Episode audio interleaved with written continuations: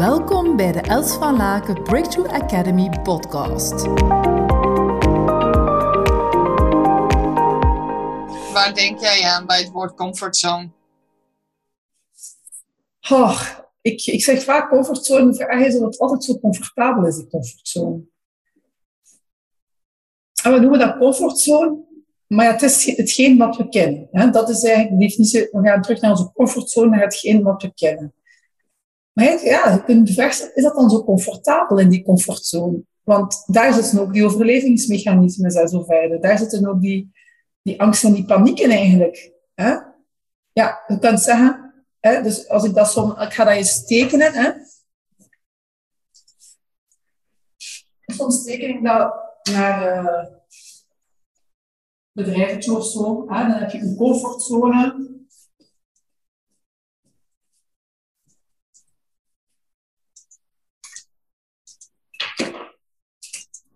Je stretchzone. Sorry, eigenlijk het goed moeten tekenen. En dan het rood zou ik stressen tekenen. Dus ik heb die, die twee staan in een keer. Het is is perfect to be imperfect. Maar dus inderdaad, de bedoeling is dat je in een ontwikkeling jezelf stretcht, zodat je comfortzone groter wordt. En je, dat je, ja, dat je daarin uh, dat je ontwikkelt en dat je niet zo ver gaat dat je continu in de stresszone zit en dan eigenlijk ja, te veel allemaal negatieve zaken uh, hebt, zoals angsten en paniektoestanden die je in die stress en die verhoogde cortisol en zo steken. Um, dus gewoon stretchen is best fijn. Maar ik stel me soms gewoon de vraag, hoe comfortabel is die comfortzone soms? Want allee, bijvoorbeeld iemand die zijn mening wil geven en die terug gaat naar zijn comfortzone is, ik geef mijn mening niet. Maar komt dan misschien ook wel weer terug in contact met een stuk van zichzelf die zegt, ja, maar allee, uh, waarom durf je jezelf niet laten zien? En dan komt er weer een stuk terecht van, ja, maar ik ben niet goed genoeg, want zie, ik durf het weer niet mezelf te laten zien. Dus dat is zo comfortabel. Ik weet niet altijd dat het zo comfortabel is. Uh, ik denk dat we in het algemeen ons beter in die stretch gooien. En, en ja, natuurlijk niet uh, 100% van onze tijd in de stress, want dat is gewoon niet gezond, maar dat we in die stretchzone steken, zodat, we, zodat het echt comfortabeler kan voelen. Dat wil zeggen bijvoorbeeld, iemand vraagt ons bijvoorbeeld, oké, wil je je mening over geven? En dat je heel bewust kunt kiezen, wil ik hier mijn mening over geven of wil ik hier mijn mening niet over geven?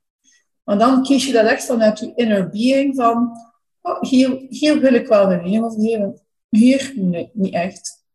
Maar dan is het niet meer vanuit gevoed, vanuit, ah ja, mensen bijvoorbeeld gaan mijn mening niet van belang vinden. Of wie ben ik dan om mijn mening te geven? Dat wordt niet vanuit dat gevoed.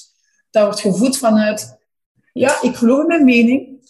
En soms ga ze delen en soms niet.